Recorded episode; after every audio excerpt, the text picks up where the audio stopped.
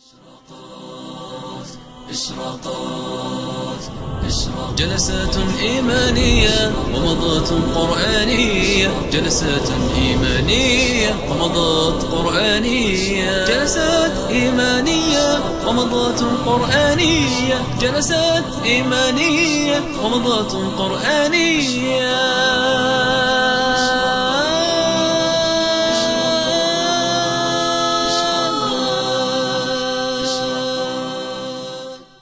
شريك له وأشهد أن محمدا عبده ورسوله سورة المطففين كما سبق بدأت بالوعيد على المطففين والتطفيف هو بخس القليل من المكيال والميزان سواء كان ذلك في المعاملات التجارية أو فيما هو أوسع من ذلك من التعامل مع الناس بحيث أن الإنسان لا يكون عادلا في حكمه على الآخرين وإنما يرجح دائما كفة النقص عند الآخرين وكفة الكمال لنفسه فيجعلون للآخرين ما يكرهون ويجعلون لأنفسهم الحسنى فهو عاب وعار موجود في سلوك الناس وفي أخلاقهم ينبعث من الأنانية والهوى والظلم والشح فجاء القرآن الكريم بالوعيد على هذا اللون من التعامل ولأن السورة جاءت في الوعيد على المطففين بدأ الله تعالى بذكر كتاب الفجار وأنهم في سجين وما توعدوا به من العذاب والنكيل آه، والنكال والوعيد ثم انتقلت بعد ذلك إلى الحديث عن كتاب الأبرار وأنه في عليين وهو المكان العالي الرفيع فوق السماوات وأنه كتاب مشهر معلن معروف يشهده المقربون فهو في آه، جمع وحفل وملأ من الأخيار من الملائكة والصالحين الذين يشهدون هذا الكتاب وذكر الله تعالى نعيمهم وما أوتوا فذكر الله عز وجل أنهم يسقون من رحيق مختوم ختامه مسك هذا لأهل اليمين وأما المقربون فهم أعلى من ذلك درجة فهم يشربونه صرفة إذا هو لأهل اليمين يمزج مزجا ولأهل القرابة والفضل والمكان للمقربين يعطى لهم صرفا ثم ختم الله تعالى هذه السورة بذكر ما كان عليه الأبرار والفجار في هذه الدار فقال سبحانه إن الذين أجرموا كانوا من الذين آمنوا يضحكون والقرآن كله عجب كل كلمة أو حرف إذا وقفت عندها وجدت تحتها سرا فهو هنا سبحانه قال إن الذين أجرموا ولم يقل إن المجرمين والمعنى واحد لكن لما قال الذين أجرموا كأنه بالاسم الموصول عرفهم الذين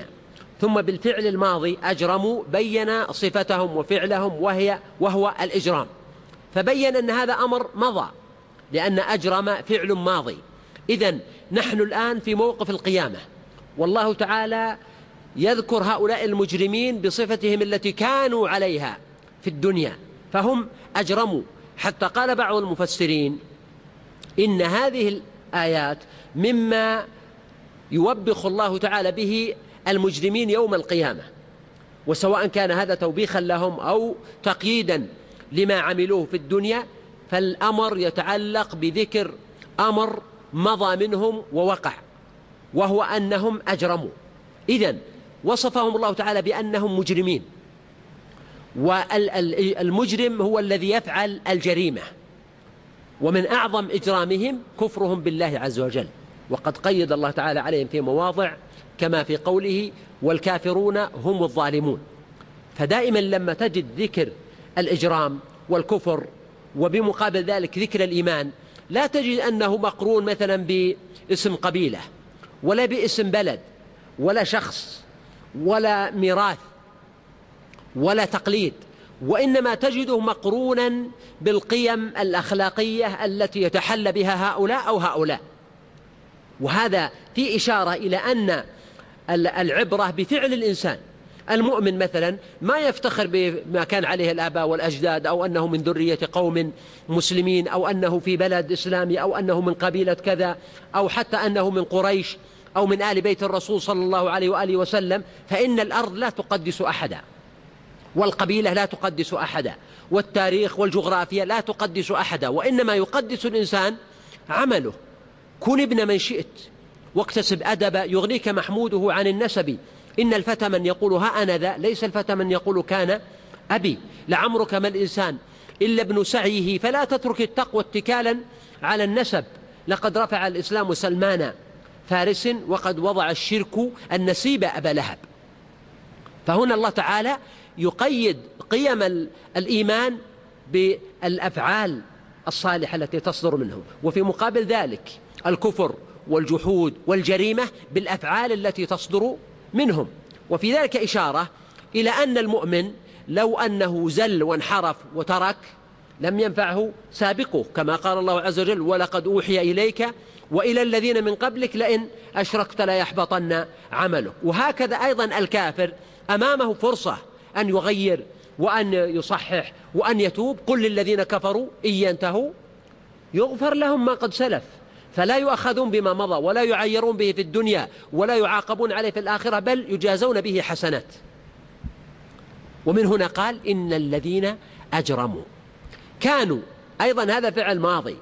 كانوا لأننا الآن في الآخرة وهم كانوا في الدنيا من الذين آمنوا يضحكون فهذه إشارة إلى الأكابر من أبي جهل وأبي لهب وعتبة بن ربيعة وشيبة والعاص بن وائل والنضر بن الحارث وغيرهم من علية القوم الذين كانوا بمكة يحاربون دعوة النبي صلى الله عليه وآله وسلم وكانت لهم الغلبة والسيطرة فيما أتباع النبي صلى الله عليه وسلم صهيب وعمار وبلال وسلمان والمستضعفين من العبيد والأرقاء والضعفاء والفقراء بل والشباب الصغار الذين في مقتبل أعمارهم وهؤلاء هم دائما الذين لديهم استعداد لقبول الدعوات والإيمان بها لأنه ليس آه، يعني هناك ما يمنعهم من ذلك أو يحول بينهم وبينه فعندهم صفاء الفطرة وعندهم النقاء وعندهم الاستعداد ولم يتلطخوا بشيء من مغريات الحياة الدنيا التي تمنعهم من الحق فهؤلاء كانوا من الذين آمنوا يضحكون هذا ال ال ال الوصف الأول أنهم كانوا يضحكون منهم والأقرب أنهم كانوا يضحكون منهم في نواديهم وتجمعاتهم ومجالسهم فيما بينهم حتى وهم غائبون فيتكلمون مثلا عن فقر فلان يتكلمون عن آه، بساطتهم أحيانا وأن فلان ساذج ومغفل وليس لديه معرفة يتكلمون عن آه، آه، ملابسهم يتكلمون عن أي أشكالهم وهيئاتهم هذا مثلا قصير وهذا أسود وهذا كذا يتكلمون عن آه، تصرفاتهم وأعمالهم ويتكلمون عن إيمانهم حتى إنهم ربما ما كانوا يتكلمون عنهم في الجاهلية قبل الإسلام لكن لما بعث الرسول عليه الصلاة والسلام وأسلموا صاروا يتكلمون عنهم وقد يسبون من كانوا يمدحونه بالأمس وهذا دليل على التطفيف الذي عندهم نحن الآن في سورة المطففين وهذا غاية التطفيف أنهم ينسون أن هؤلاء الناس عندهم التضحية والصدق والإخلاص والإيمان والمعاني الفاضلة لا يريدون أن يستأثروا بهذا الأمر من دونهم ولهذا كانوا منهم يضحكون هذا مما ذكره الله تعالى عن الأنبياء السابقين أنهم كانوا يتعرضون لمثل هذا هم وأتباعهم ويصنع الفلك وكلما مر عليه ملأ من قومه سخروا من قال إن تسخروا منا فإنا نسخر منكم كما تسخرون وقال سبحانه ولقد استهزئ برسل من قبلك وذكر الله تعالى في وعيده وعقابه للكافرين يوم القيامة أنه كان يوبخهم ويقول وكنتم منهم تضحكون فهم يضحكون من الذين آمنوا وفي ذلك إشارة إلى أن هذا الوصف وصف الذين أجرموا أفيليق بك وبالذين أسلموا أن يعملوا الفعل نفسه لا إذا كان هؤلاء يسخرون من الذين آمنوا فالله تعالى وبخهم مرتين وبخهم أولا بأن سخريتهم هي بالمؤمنين ووبخهم على مطلق السخرية والضحك ولهذا يأخذ المؤمن والمتعلم من هذه الآية أن أسلوب الضحك بالآخرين أسلوب ممقوت ممجوج لا يصدر من إنسان صاحب أخلاق وصاحب آه، قيم وصاحب تهذيب وأدب لماذا تضحك من الناس ولهذا في القرآن الكريم يا أيها الذين آمنوا لا يسخر قوم من قوم عسى أن يكونوا خيرا منهم ولا نساء من نساء عسى أن يكن خيرا منهن يعني أن, أن تضحك من إنسان قد يكون هذا الإنسان آه، تضحك من لونه أو شكله أو خلقته أو تصرفه أو كلامه وعدم طلاقته في اللسان أو لباسه أو أي صفة من صفاته الله تعالى ينهى عن ذلك ولما يقيده بأنه هذه أخلاق الذين أجرموا هذا غاية التنفير للمؤمن من الوقوع في مثل هذا المعنى كانوا من الذين آمنوا يضحكون ثانيا وإذا مروا بهم يتغامزون مروا بهم وقوله إذا دليل على ماذا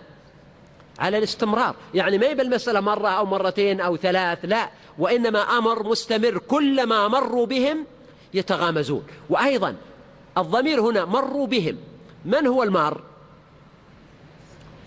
الأمرين يجوز الأمران يعني ممكن يكون المشر... آه، أن يكون المشركون جالسين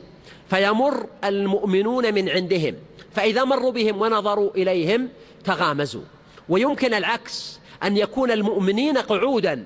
فإذا مر المشركون بهم والمشركون ماشيين في الطريق نظروا إليهم فغمزوهم إذا كلما التقوا بهم أو جاءت مناسبة أو تذكير فهم يتغامزون والتغامز أشد من الضحك فهو صفة أخرى فالتغامز مأخوذ من الغمز والغمز قد يكون حركة بأحد الأعضاء والجوارح مثل حركة الجفن أو حركة العين أو الغمز بالشفتين أو, أو الغمز باليد أيضا يتغامزون فعل مشترك دليل على أنه ليس فعل فرد وإنما فعل المجموع فهم يشتركون في هذا التغامز أيضا من معاني التغامز أن بعضهم يغمز بعضا والغمز هو اللمس بطرف اليد كما في حديث عائشة إذا سجد غمزني فقبضت رجلي إذا يمكن يكون بعضهم يغمز بعضا يتغامزون يعني يقول انتبه لا تفوتك الفرصة هذه انظر إلى فلان انظر إلى الموقف هذا لا يفوتك المشهد فبعضهم يوصي بعضا أيضا ويحرك بعضا ويحرض بعضا على التغامز من هؤلاء المؤمنين الضحك حركة معروفة التغامز أوسع منه لأنه ليس فقط ضحك بالفم وإنما هو تغامز بكل الحركات حتى أن من التغامز أنه قد يقلد حركة فلان على سبيل التنقص والازدراء والسخرية وهذا نوع من السفه الذي لا يمت القيم والأخلاق بصلة هذا لا يدل على حق ولا على ولا يحق حقا ولا يبطل باطلا غاية ما يدل عليه أن الإنسان الذي تصدر منه مثل هذه الحركات إنسان رديء الطبع سيء الخلق فاسد المزاج بعيد عن كل معاني الإنسانية والأدب لأن هؤلاء قوم يعيشون في مجتمع واحد كلهم في مكة مثلا ويفترض وقد اجتمعوا في هذه السفينة أن يكون بينهم قدر من العلاقات المشتركة والمعاني الإنسانية التي تقتضي التعايش والتعاشر فيما بينهم لكن هؤلاء القوم أطاحوا بكل هذه القيم فانقلبوا عليهم وصاروا يتغامزون إذا مروا بهم يتغامزون ولهذا أيضا الله تعالى نهى عن الغمز واللمز والهمز كما في آية ويل لكل همزة لمزة واعتبر أن هذا الأسلوب في الإزراب الآخرين والتنقص لهم اسلوبا ابعد ما يكون عن التهذيب والادب واذا مروا بهم يتغامزون الامر الثالث واذا انقلبوا الى اهلهم انقلبوا فكهين اذا انقلبوا الى اهلهم يعني المشركين انقلبوا رجعوا وذهبوا ولم ينقل انقلبوا الى بيوتهم الانقلاب طبعا معناه الرجوع الى ما اعتاد الانسان ان يذهب اليه لكن لم يقل إلى بيوتهم مثلا وإنما قال إلى أهلهم يعني أن هؤلاء القوم يشركون أزواجهم وأطفالهم وأهل البيت يشركونهم في هذه السخرية فهي ليست موقف عابر أو قضية سانحة وإنما أصبحت جزءا من طبيعتهم وأخلاقهم فهي مادة ثرية عندهم للسخرية والتنقص والحديث حتى إنهم إن كانوا في نواديهم سخروا بهم وضحكوا منهم وإن رأوهم في الشارع مارين بهم أو شاهدوا أحدا منهم سخروا منه وتنقصوه وإذا انتهت النوادي وانتهت المجالس وانقلب الإنسان إلى بيته حيث انقطع فلا يرى أحد ولا يراه أحد لا نقول هنا سلم المسلمون منهم لا انقلبوا فكهين يعني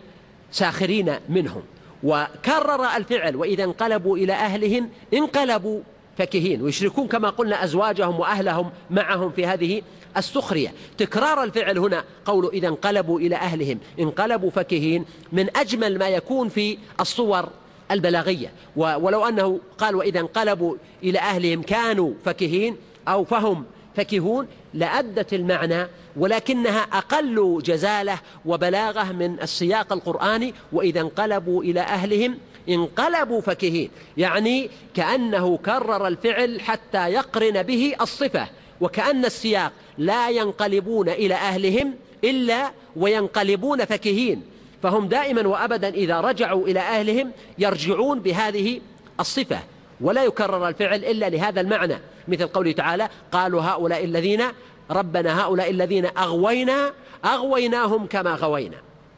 فالتكرار هنا لإنشاء معنى جديد وهو في السورة هنا لذكر ارتباط الانقلاب بالصفة فهم لا ينقلبون إلا بهذه الصفة انقلبوا فكهين والجمهور قرأوها فاكهين وقرأ عاصم وغيره فكهين والفر يذهب إلى التفريق بين الفعلين والأقرب أن معناهما واحد ما معنى فكهين أو فاكهين من معانيها انقلبوا متنعمين فهم ينقلبون إلى بيوتهم حيث المآكل والمشارب والمطاعم والخيرات فهم في ذلك يشعرون بالتنعم والفرحة الدنيوية والسعادة فالله عز وجل يسجل عليهم هنا النعمة التي أنعم الله تعالى بها عليهم فلم يشكروها ولم يقدروها بل بدلوا نعمة الله كفرا وأحلوا قومهم دار البوار أيضا من معاني فكهين أنهم إذا انقلبوا إلى أهلهم انقلبوا مرحين فهم أهل مرح وأهل سرور وأهل نعيم وهذا لا يمنع أن يكون الكافر في الدنيا له قدر من النعيم قوم عجلت لهم طيباتهم أو حسناتهم في الحياة الدنيا فقد يكون لهم قدر من الفرحة وقدر من النعيم وقدر من السرور هذا لا يمنع أن يكون لهم لكن هو قليل فليضحكوا قليلا وليبكوا كثيرا من معاني فكهين أيضا أنهم ساخرين متندرين بهؤلاء المؤمنين وهذا أقوى المعاني يعني أن جزء من فكاهتهم والنكت التي يتداولونها والطرائف التي يذكرونها هي تنطلق من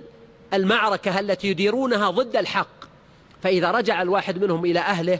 بدأ يحدث زوجته وأطفاله وأهل بيته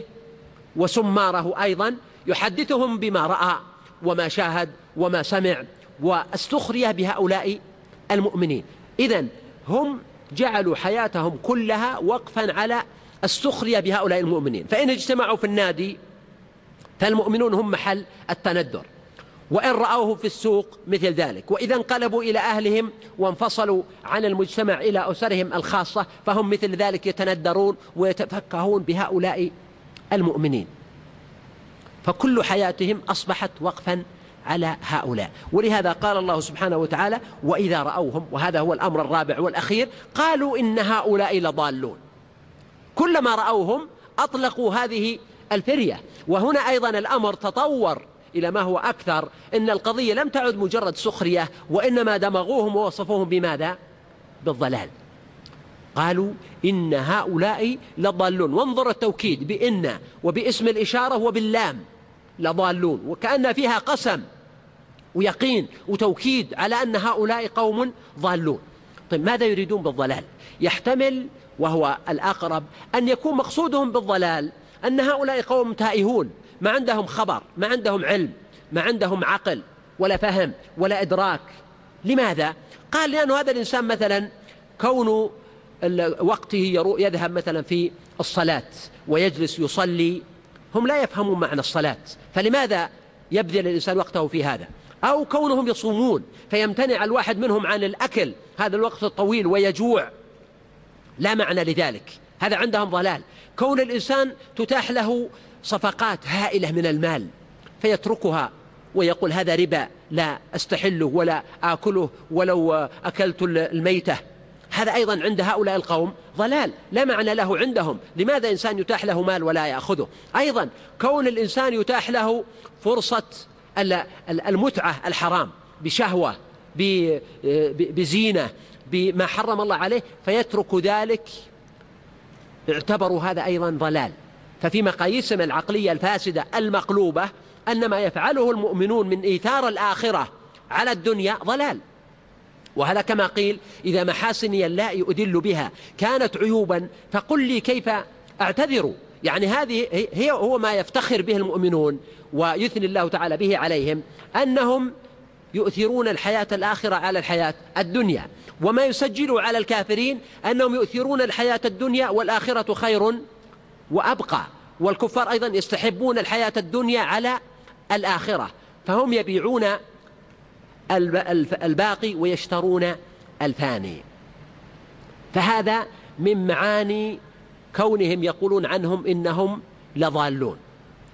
والعجيب أنه في آخر السورة ربنا سبحانه وتعالى يقول فاليوم الذين آمنوا من الكفار يضحكون فانظر كيف انقلبت الآية لأنه في ذلك اليوم وفي ذلك الموقف ظهر الحق وبان فهؤلاء الكفار مقابل نعيمهم العاجل وفاكهتهم في بيوتهم إذا انقلبوا إلى أهلهم انقلبوا فكهين يقاسون ويعانون عذابا لا ينتهي ولا ينقضي بينما المؤمنون لقاء ما ضحوا وما تحملوا وما كابدوا وما صبروا وما امتنعوا عن معصية الله هم في نعيم مقيم فضحك الكفار قليل وبكاؤهم كثير وضحك المؤمنون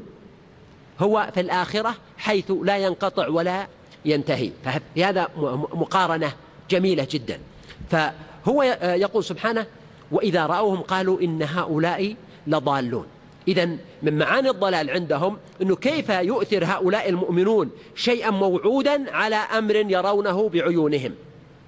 أيضا قد يكون من معاني الضلال أنهم يصفونهم بالضلال في دينهم وهذا أعجب وأطرف أن أبا جهل وأبا لهب وعتبة وشيبة والنظر وهؤلاء الذين لا يوجد عندهم أي معنى من المعاني التي يمدح بها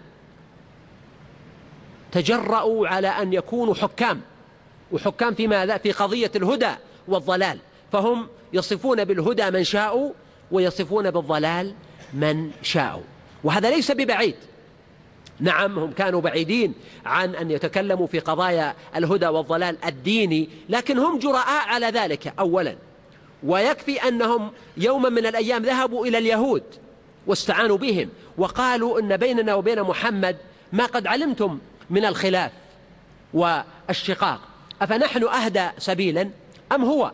فقال لهم اليهود أهل الكتاب وقد انحازوا إلى جانب الوثنيين من جراء عداوتهم المفرطة للرسول صلى الله عليه وسلم قالوا لا بل أنتم وذكر الله تعالى هذا عنهم آه، الذين أوتوا نصيبا من الكتاب يؤمنون بالجبت والطاغوت ويقولون للذين كفروا هؤلاء يعني الوثنيين عبدة الأصنام أهدى من الذين آمنوا سبيلا وفرعون من قبل كان يقول ما أريكم إلا ما أرى وما أهديكم إلا سبيل الرشاد ويقول عن موسى إني أخاف أن يبدل ماذا دينكم أو أن يظهر في الأرض ماذا الفساد يعني فرعون خايف من إيش خايف من الفساد الفساد على يد من على يد موسى فيما يزعم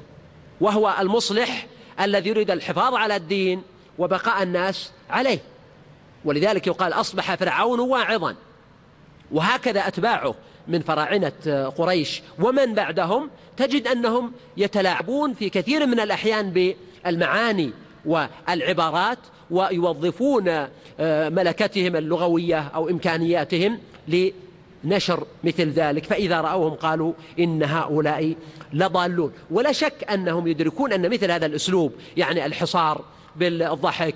وبالتغامز وبالكلام والتفكه والسخرية والتندر بل وبالحكم بالضلال أن مثل هذا الأمر هو وسيلة لتثبيت أتباعهم على ما هم عليه وإبقائهم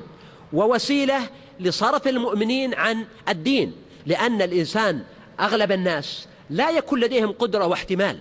على مثل ذلك خصوصا إذا وجه إليه يعني حينما تكون أن تسمع أن هذا الكلام يقال عن فلان أو علان ربما يمر عندك عاديا ولا تشعر بحرارته ومرارته لأنه لم يلمس نفسك وذاتك ولهذا الواحد منا مثلا قد يقع في الخطأ فيتكلم في أخيه المسلم بغير حق وقد يسبه أو يكذب عليه أو يغتابه أو يسخر منه أو ما أشبه ذلك ويذهب إلى بيته يأكل مرتاحا وهذا جزء من معنى الآية شوف السر القرآني وإذا انقلبوا إلى أهلهم انقلبوا فكهين سجل هذا السر العظيم الذي لا حلي الآن وإذا انقلبوا إلى أهلهم انقلبوا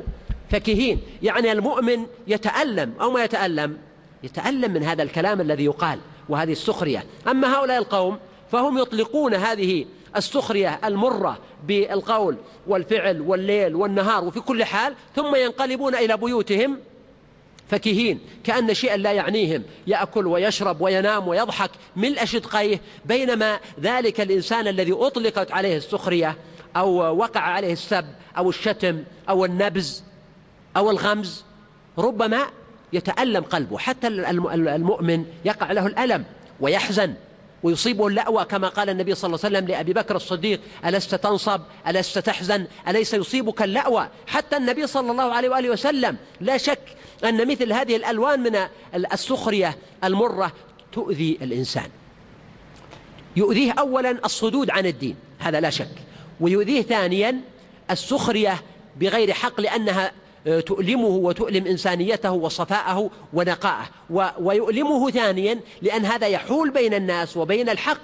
كثير من الناس صعب عليهم انهم يدفعون ثمنا غاليا للحق يصبح الالتزام بالحق آه، له تبعه كبيره جدا فالانسان ربما لما يكون مثلا في بيت يعين على الخير والهدى يجد سهوله في الالتزام والصلاح لكن اذا كان البيت يسخر منه والمدرسة تسخر منه والشارع يسخر منه ووسيلة الإعلام تسخر منه والأقارب وأبناء العمومة وأبناء الأخوال يسخرون منه فإن هذا الإنسان ربما يقاوم مرة ومرتين وثلاث لكن في النهاية قد يضعف ويستسلم وهذا أمر مشاهد أن البيئة لها تأثير كبير جدا عند الإنسان إذا هذه عبارة عن مشروع آه، تدميري وحصار إعلامي كبير يمارسه الملأ من قريش على دعوة النبي صلى الله عليه وسلم حتى يحول بين الناس وبين قبول الحق ويشعر الإنسان أنه يدفع ثمنا غاليا للالتزام وهذه سنة الله سبحانه وتعالى أن كل دعوة أو حركة إصلاحية تستهدف إصلاح أحوال الناس ومناهج التفكير ومناهج الاستدلال والنظر ومناهج التعبد ومناهج السلوك والأخلاق عندهم أنها تبتلى بمن يحاربونها ليس بالضرورة فقط الكفار بل يقع هذا للمسلمين كثيرا فأنت تجد التنابز بالألقاب وتجد التصنيف وتجد السخرية وتجد التشكيك وتجد نشر الشائعات والأباطيل في مجتمعات المسلمين مثل ما تجد في المجتمعات الأخرى هنا الله سبحانه وتعالى يقول وما أرسلوا عليهم حافظين انظر لهذا النسف الهادي لكل ما قالوا لم نجد أن الله تعالى في هذه السورة مثلا آه، رد على الكفار ردودا طويلة مفصلة وإنما رد برد واحد وهو وما أرسلوا عليهم حافظين يعني هؤلاء المشركون لم يرسلهم الله تعالى على المسلمين حتى يحفظوهم أو يراقب أعمالهم وقوله وما أرسلوا عليهم جاء بلفظ على قال وم لم يقل وما أرسلوا لهم حافظين وما أرسلوا عليهم لأن الإرسال عادة يقتضي التسليط والعلو والاستعلاء فالله تعالى يقول لم نرسلهم على هؤلاء المؤمنين حافظين لأعمالهم وأقوالهم وسلوكهم وهذه الآية فيها معاني عظيمة جدا أولا فيها توبيخ لهؤلاء المشركين إنه من الذي كلفكم بهذه المهمة فأنتم لم ترسلوا عليهم حافظين ثانيا فيها تصبير للمؤمنين لأنه المؤمن لما يعلم كأن الله تعالى يقول له إن الحكم والأمر والنهي والتصويب والتخطئة هي لله سبحانه وتعالى فما دام أنه لم يرسل هؤلاء الناس حافظين لا يهمنكم ما يقولون ولا تلتفتوا إليهم ولا ترفعوا بما يقولون رأسا ولا تصغوا له أذنا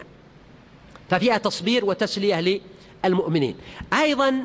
فيها تأديب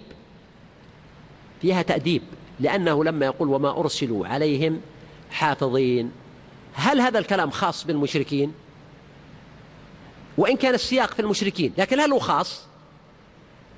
هل أنتم ونحن هل الله أرسلنا على الناس حافظين لا إذا هذا تأديب عام وما أرسل أنت ما أرسلت على الناس حافظ لست عليهم بمسيطر حتى النبي صلى الله عليه وسلم لم يرسل للناس حافظا وإنما الحافظون هم الذين يرسلهم الله من هم هم الملائكة الذين يحفظون الإنسان يحفظون أقواله يسجلون عليه إذا السياق هنا فيه درس مهم جدا وهو الثالث قلنا الأول هو التأديب والتأنيب للمشركين التأنيب للمشركين الثاني التصبير والتثبيت للمؤمنين الثالث هو التنبيه لعموم الناس لأن هذا الحكم لا يختص به أحد من أحد فالله تعالى لم يرسل أحدا من البشر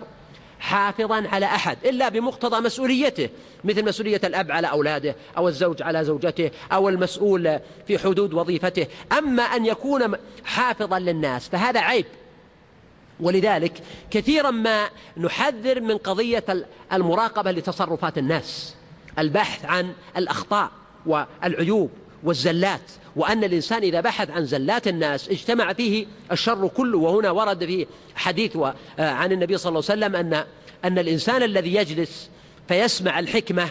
ثم يبحث عن العيب مثل الرجل الذي جاء لراعي غنم وقال له يا أيها الراعي أعطني شاة من غنمك فقال اذهب وخذ أي شاة منها فذهب إلى كلب الغنم وأخذ بأذن الكلب وجره إليه فهذا مثل الإنسان مثلا يحضر الموعظة أو يقرأ الكتاب أو يسمع البرنامج أو يستفيد من أحد فيجد علما خيرا برا آه، أمرا نهيا فوائد جليلة لكن يجد خطأ فيأخذ هذا الخطأ ويترك الباقي مثل اللي أخذ الكلب وترك الغنم كان ممكن يأخذ أسمن شاة ويستفيد منها فمن طبع بعض الناس وهذا من سوء التربية في مجتمعاتنا أننا جبلنا على التصنت والتطلع والبحث عن العيوب وشدة الرقابة على الناس وهذا أمر مشكل ومجرد الحديث عنه لا يزيله يحتاج إلى مراقبة ومراجعة وتجديد مناهج التربية في حلقات العلم وفي المدارس وفي البيوت وفي وسائل الإعلام وفي المساجد وغيرها أنه لماذا الإنسان دائما مشغول بالآخرين عن نفسه راقب نفسك لنفسي أبكي لست أبكي لغيرها لنفسي من نفسي عن الناس شاغل أما كون الإنسان دائما يراقب الناس ماذا فعل فلان وماذا قال وهذا حتى لو أن إنسانا غير لبسه تغييرا بسيطا اشرأبت إليه الأنظار ولو أنه تصرف تصرفا معينا وجدت الناس يتحدثون عنه وعناية الناس بالبحث عن العيب والخطأ والكلام عنه في المجالس كبيرة جدا ولذلك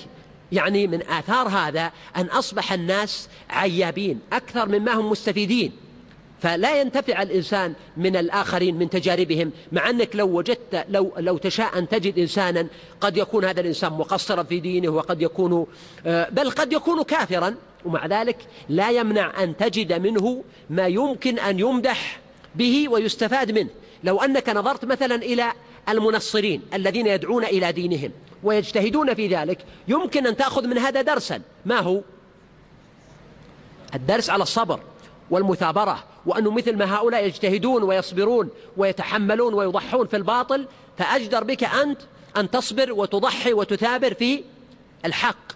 أما أن يكون الإنسان دائما يبحث عن عيوب الناس وقد يسمي هذا تقويما أو يسميه نقدا أو يسميه نصحا أو ما أشبه ذلك طبعا هذا لا يعني إغلاق باب المناصحة ولا يعني إغلاق باب النقد لكن فرق بين أن تكون الأمور في مواضعها معتدلة وبين أن يكون الإنسان يتربى منذ نعومة أظفاره ومنذ طفولته ومنذ بدايته في تقبل وتلقي العلم على العيب وعلى النقد بل أن يكون هناك مدارس لو أنك استخرجت منها عيب الناس لم يبق منها شيء مدارس بأكملها لو أخذت من كلام فلان استبعدت منه ما يتعلق بنقد الآخرين ما بقي له شيء هذا خطأ كبير بل الأصل أن المؤمن يكون عنده إقبال على نفسه وهذا هو الدرس الرابع في القضية إقبال المرء على نفسه لأنه لما قال وما أرسلوا عليهم حافظين كان من معاني الآية أنهم يفترض أن يكونوا حافظين على من؟ على أنفسهم يعني ابدأ بنفسك فانهها عن غيها فإذا انتهت عنه فكثر خيرك فإذا انتهت عنه فأنت حكيم إذا لما قال وما أرسلوا عليهم حافظين كان في ذلك إشارة إلى عناية المرء بنفسه وأن أولى وأول ما يبدأ به الإنسان هو رعايته لقيمه وسلوكه وأخلاقه والتفطن لهذا آه، المعنى وأيضا من دلالات هذه الآية العظيمة الكريمة أن الكثير من الناس ربما يجدون أنفسهم في الخطأ ولا يجدون أنفسهم في الصواب وهذا أيضا مسلك تربوي غير حميد يجب التفطن له يعني الأخيار المسلمون مثلا إذا أحرق جزء من المسجد الأقصى قامت المظاهرات من أقصى المشرق إلى المغرب من إندونيسيا إلى باكستان إلى نيجيريا إلى مصر إلى أنحاء العالم الإسلامي وهكذا إذا وقع آه، مصيبة أو نازلة وعلى صعيد الأخيار والصلحاء والشباب المهتدين الملتزمين إذا وقع منكر بدأت رسائل الجوال تتهافت وتنزل كقطر المطر في قضية معينة ربما ذكرت سابقا مثلا لما وجد موقع إلكتروني يسب الرسول صلى الله عليه وسلم في أحد غرف البالتوك جاءت آلاف الرسائل بالجوال تتحدث عن ضرورة آه، الدخول لتلك الغرفة لأنهم اشترطوا آه، مليون داخل آه، محتج يعني حتى يغلقوها بينما مليون غالي ما يمكن فرط بمليون صوت ونبذلها لموقع فاسد يسب الرسول صلى الله عليه وآله وسلم أو يسمح بسبه و و وكان وأيضا لو أغلقت هذه الغرفة من الممكن بكل سهولة أن يفتح بعد غد غرفة أخرى تقوم بالدور نفسه وباسم آخر بينما لو أن هؤلاء الذين تحمسوا لهذا الموضوع فتحوا غرفا للدفاع عن الرسول صلى الله عليه وسلم وللحديث عن أخلاقه وسيرته والدعوة إليه لربما كان من جراء ذلك عمل عظيم وناجح ونافع ومفيد وهكذا في كثير مثلا مما يكتب في الصحف أو في المجلات أو في المواقع أو آه، غير ذلك مما تجد أن الناس آه، يعني يتحمسون وينفعلون في منطقة الخطأ إذا حصل الخطأ وهو طبعا مفروض أن الناس ينكرون المنكر هذا ليس ليس المجال مجال أنه لا تنكر المنكر لا المجال مجال أنه لا ينبغي أن يكون نشاط الإنسان وحركته وحيويته واندفاعه مرهونة فقط أنه يأتي مثير أو أمر يستفزه حتى ينطلق بينما إذا لم يوجد هذا المثير خمد الإنسان ولم يكن عنده أي إنتاج أو فاعلية لأن معنى ذلك أن يكون عدوك هو الذي يحرك طاقتك أو يسكنها وهذا أمر آه، خطر جدا لأنه معنى ذلك أن الناس يكونون سلبيين إلا عندما توجد المثيرات أو المحفزات وربما حتى عندما توجد المثيرات والمحفزات قد يتصرفون بطريقة غير مناسبة من دروس الآية وهذا السياق أنك تجد أنه مع تسجيل الله سبحانه وتعالى على الكفار أنهم يضحكون ويتغامزون ويتفكهون ويضللون أن الله تعالى لم يذكر عن المؤمنين أنهم قابلوا ذلك بمثله ولا قيد الله تعالى على الكفار حتى الضلال ما قال الله تعالى بل أنتم الضالون بل أنتم الظالمون قال وما أرسلوا عليهم حافظين وهذا فيه دليل على أن مقياس القوة ليس هو الصراخ والضجيج والصخب والسباب والشتام وإنما الحجة والصبر يعني النبي صلى الله عليه وسلم يقول ليس الشديد بالسرعة وإنما الشديد الذي يملك نفسه عند الغضب كما في حديث أبي هريرة المتفق عليه إذا قدرتك على أن تملك نفسك عند هؤلاء الضاحكين والغامزين والهامزين واللامزين هذه هي القوة وهي القدرة وهي الكفاءة وأما كون الإنسان مثلا يعني كثير من الناس لا يروق لهم خصوصا إذا كانوا من الدهماء والعوام والبسطاء لا يروق لهم الكلام القوي إذا كانت قوته في حجته وفي بلاغته وفي هدوئه وإنما يريدون ألفاظ مقعقعة صارخة فيها سب وشتم وتجريح وتهجم وأنت الذي فيك ومخطيك فهذا هو الذي يروق لهم لماذا؟ لأنه يخاطب يخاطب انفعالاتهم وهذه الانفعالات ليست انفعالات محمودة وربما هذه أليق ب ب بثأر الجاهلية منها بأخلاق الإسلام والنبي صلى الله عليه وآله وسلم علمه ربه في مواضع كثيرة جدا قل لا تسألون عما عما أجرمنا ولا نسأل عما تعملون لاحظ لا تسألون عما أجرمنا يعني من باب التنزل للخصم حسب ما تعتقدون ولا نسأل عما تعملون وقال سبحانه وإنا أو إياكم لعلى هدى أو في ضلال مبين إذا الغلبة دائما ما بالصياح والصوت الرفيع واللجاج والصخب الغلبة بالقوة الغلبة بالحجة الغلبة بالعقل سواء في القول أو في الفعل ربما إنسان يصيح ولكن كما يقول المثل العربي يقول أوسعته شتما و وأودى بالإبل أوسعته شتما وأودى بالإبل هذا يعني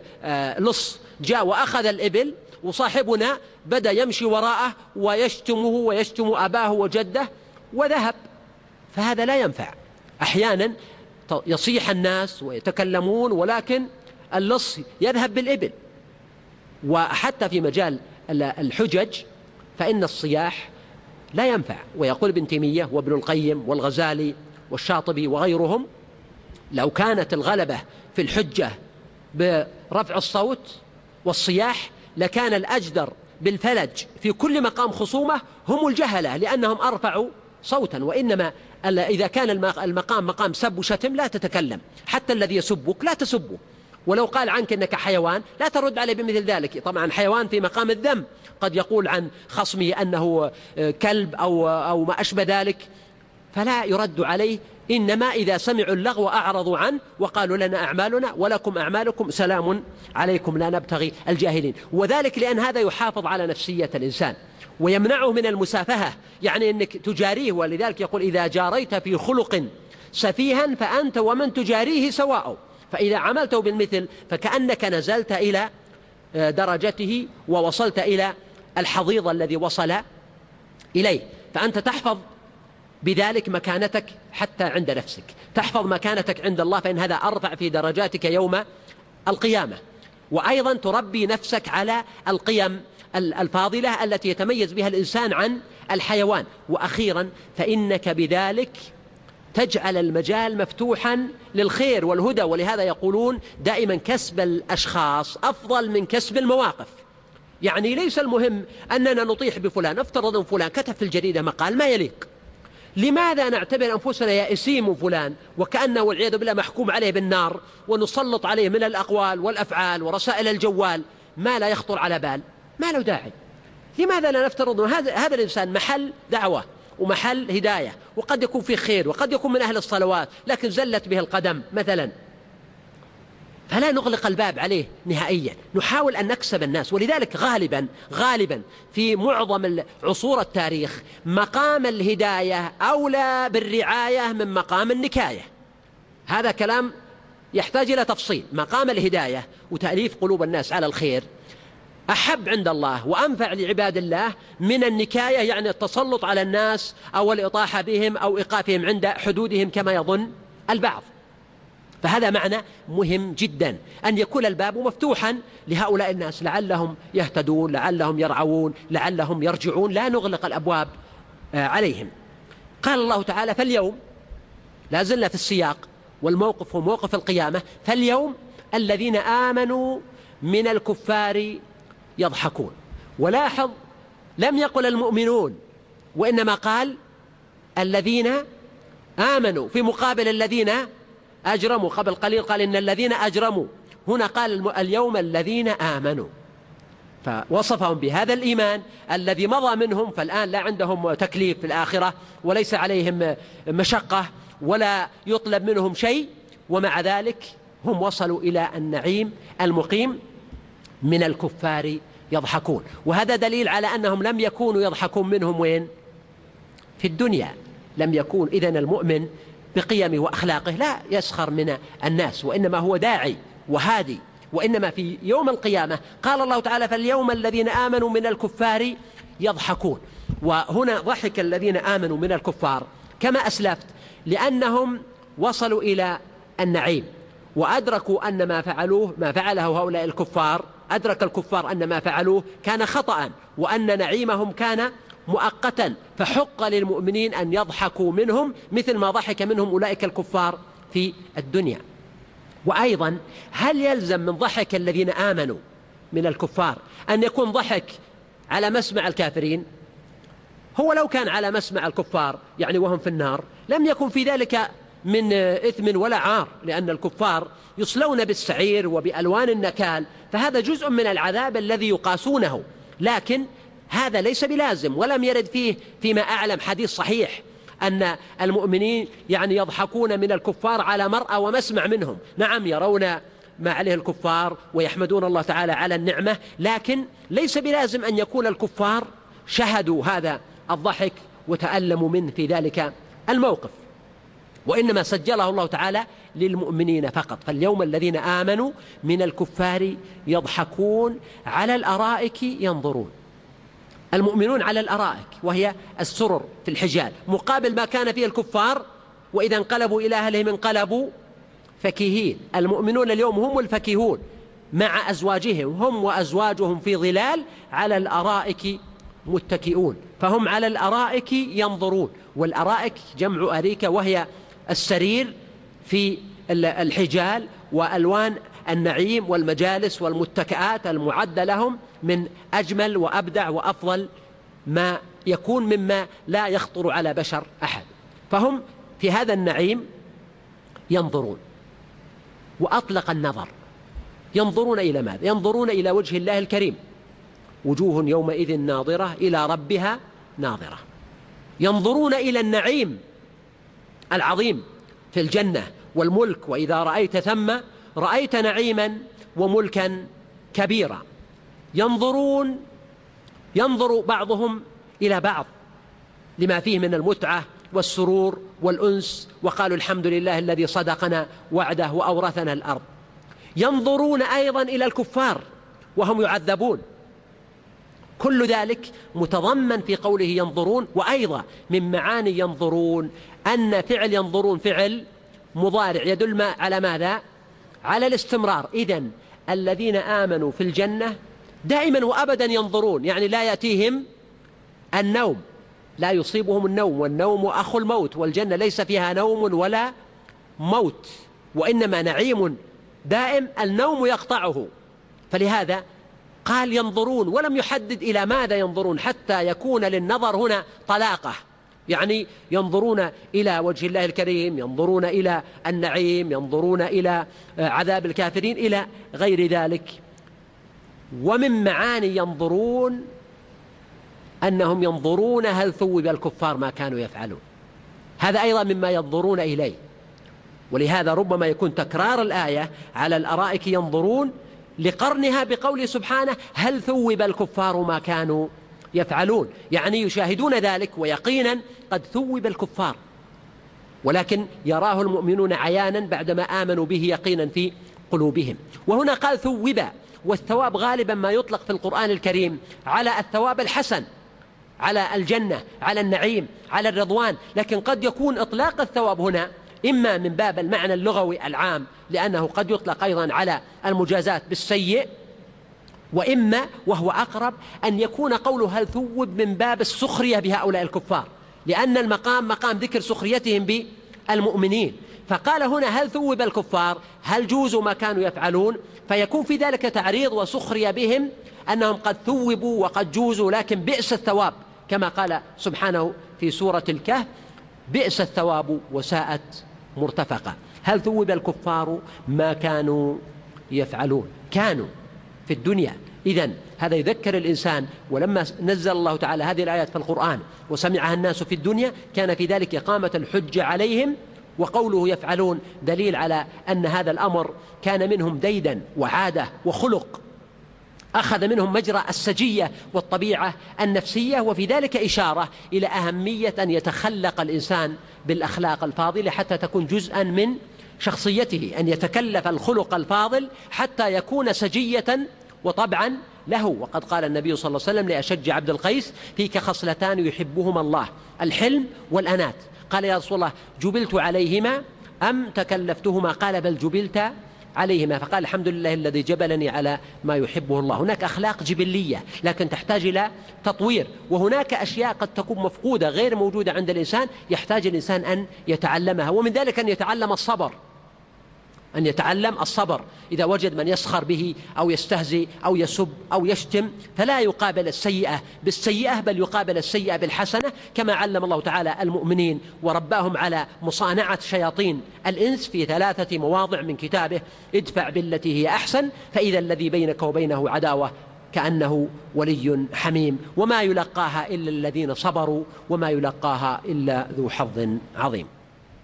سبحانك اللهم وبحمدك نشهد أن لا إله إلا أنت نستغفرك ونتوب إليك